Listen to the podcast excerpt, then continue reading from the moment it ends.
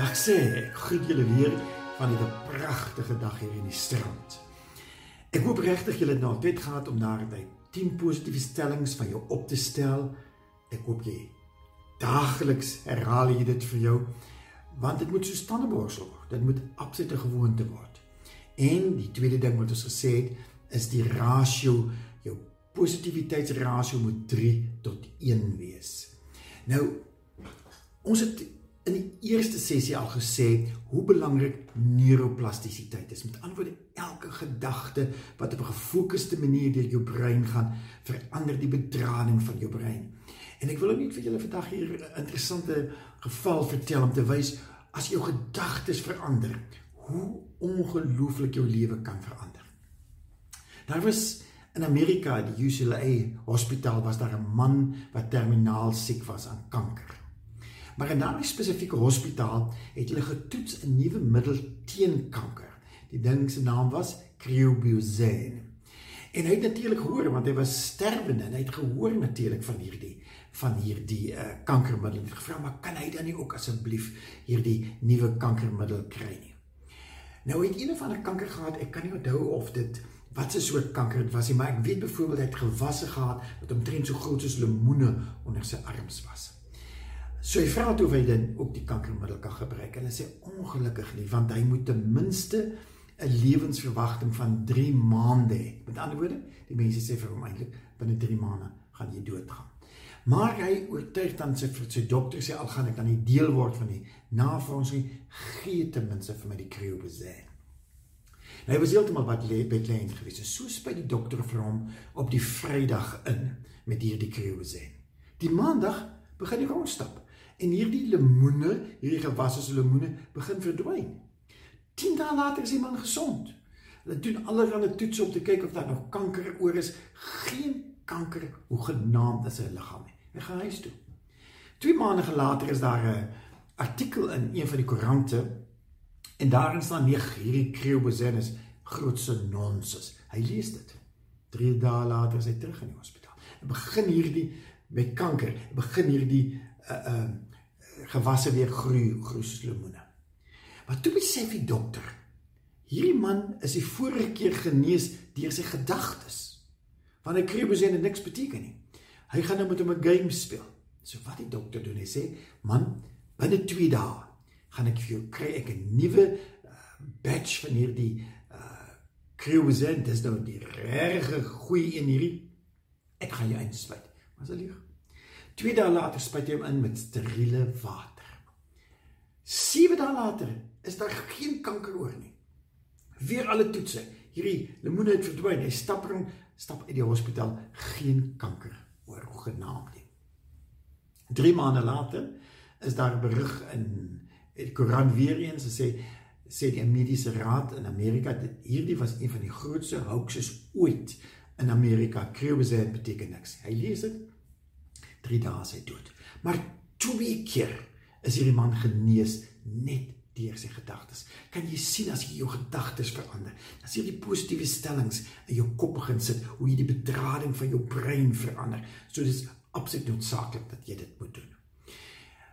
Jy mag dalk weet dat dis daai positiewe sielkunde vreeslik op die voorgrond getree. In die verlede het altyd die sielkunde gaan. Hoe help jy die skizofreen of die iemand verskriklik depressief is of die psigopaat? Hoe help jy iemand van 'n -3 om te beweeg miskien na 'n 0 toe? Nuwe sielkunde, die positiewe sielkunde in hierdie eeu.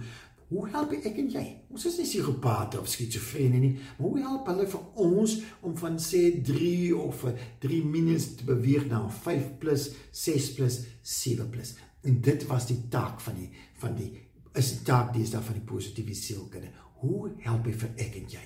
Een van die groot dinge wat uitgevind is, as ons net die mense weer gelukkig kan kry, gaan hulle baie beter lewe lei. Uh nou dis wat die sielkunde sê.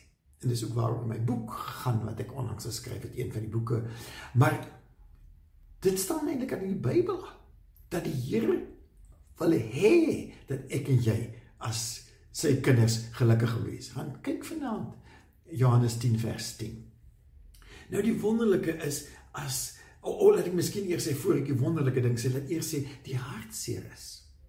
dat ons so ongelukkige land is. Daar is 'n lys van gelukkige lande in die wêreld, 156 van hulle. En ons is hier rondom 113. Ons het geval in die afgelope 5, 6 jaar van nommer 96 tot nommer 13. Dis op die hart sê nie dat meer as 70% van mense sê hulle is Christene, maar ons is van die ongelukkigste mense in die wêreld. Nou onthou net weer vir 'n oomblik. Ek het al vir julle voorheen gesê dat ons ons liggaam en ons gedagtes is onlosmaaklik verbonde mekaar. Met ander woorde, elke gedagte wat deur jou liggaam gaan, het 'n impak op jou liggaam. Nou daar's 'n baie belangrike hormoon ook in ons liggaam. Ons het al gepraat oor die IK en ons het gepraat oor die kortisol. Uh die hierdie hormoon se naam is DHEA. DHEA is die anti-oud word hormoon. En dit vind dat hulle het gevind dat as 'n mens baie positief is, positiewe emosies het, dan gaan jou DHA op. En DHA is die anti-oudword hormoon. Daarom sal jy sien mense wat baie positief is, lyk baie jonger. Kyk byvoorbeeld vir my, ek is al 273 jaar oud en ek sê maar, maar dit is die anti-oudword hormoon. Maar meer die DHA is belangrik vir jou immuunstelsel om jou gesond te hou wat in hierdie tyd vir ons verskriklik belangrik is. En meer nog, die DHA HEA is die hormoon wat die kortisol aftrek, die streshormoon af aftrek. En hoe hoër die DHA opgaan, hoe laer gaan die kortisol. Natuurlik aan die ander kant is ook waar. Hoe meer negatiewe emosies jy het, hoe meer gaan die kortisol op en gaan die DHA af. Nou, daarom is geluk so 'n belangrike ding in ons ons lewens.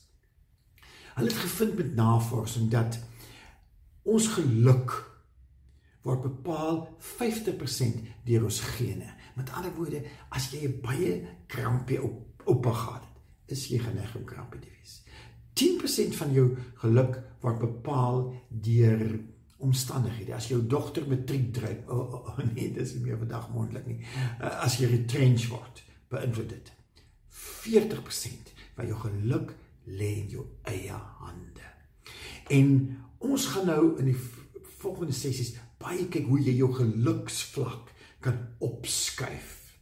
En daarom kom ons nou by die derde tegniek is wees dankbaar.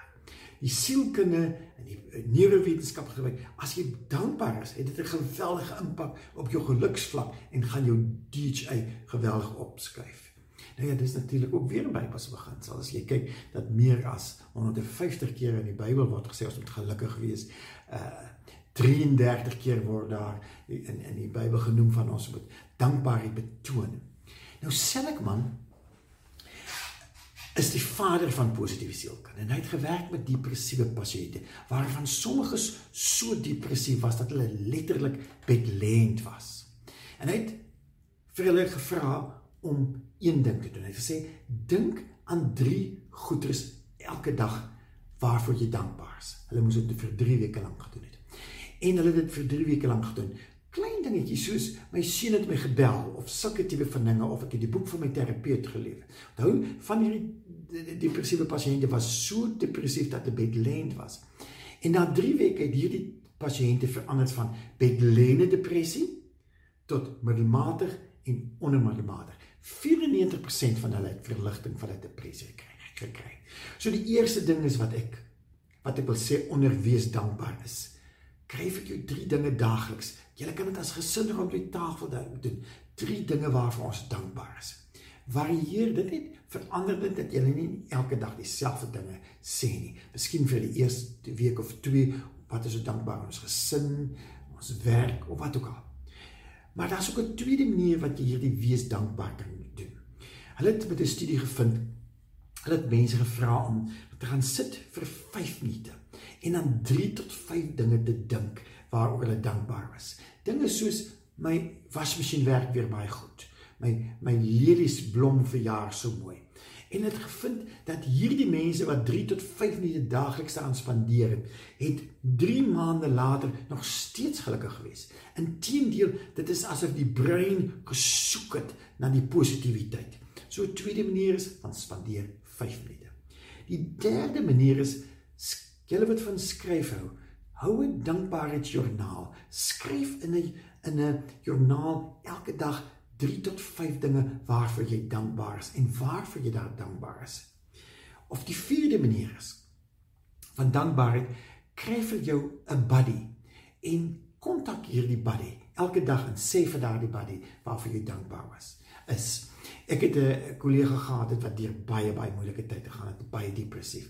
En hy het elke dag vir my gebel gesê wat is die drie dinge wat jy voor dankbaar is, waarvoor hy dankbaar is. En dit is ongelooflik verbeter is van sy medikasie af. By the way, mens gaan nie van medikasie af voor die dokter nie vir jou sê jy is gereed om van medikasie af te gaan nie. So die derde ding wat ek wil wees, sê wees dankbaar. En daar's vier maniere wat ons kan doen. Dink aan drie dinge elke dag as gesin. Sit vir 3 tot 5 minute en skryf dit eh, bedink dit hoe dit 'n impak op jou lewe het. Die derde manier is skryf 'n dankbaarheidsjoernaal. Die vierde manier kry 'n buddy en deel dit elke dag met daai persoon. Ek hoop dit gaan baie goed met jou positief dankbaar dat ons weer gesels. Groetens.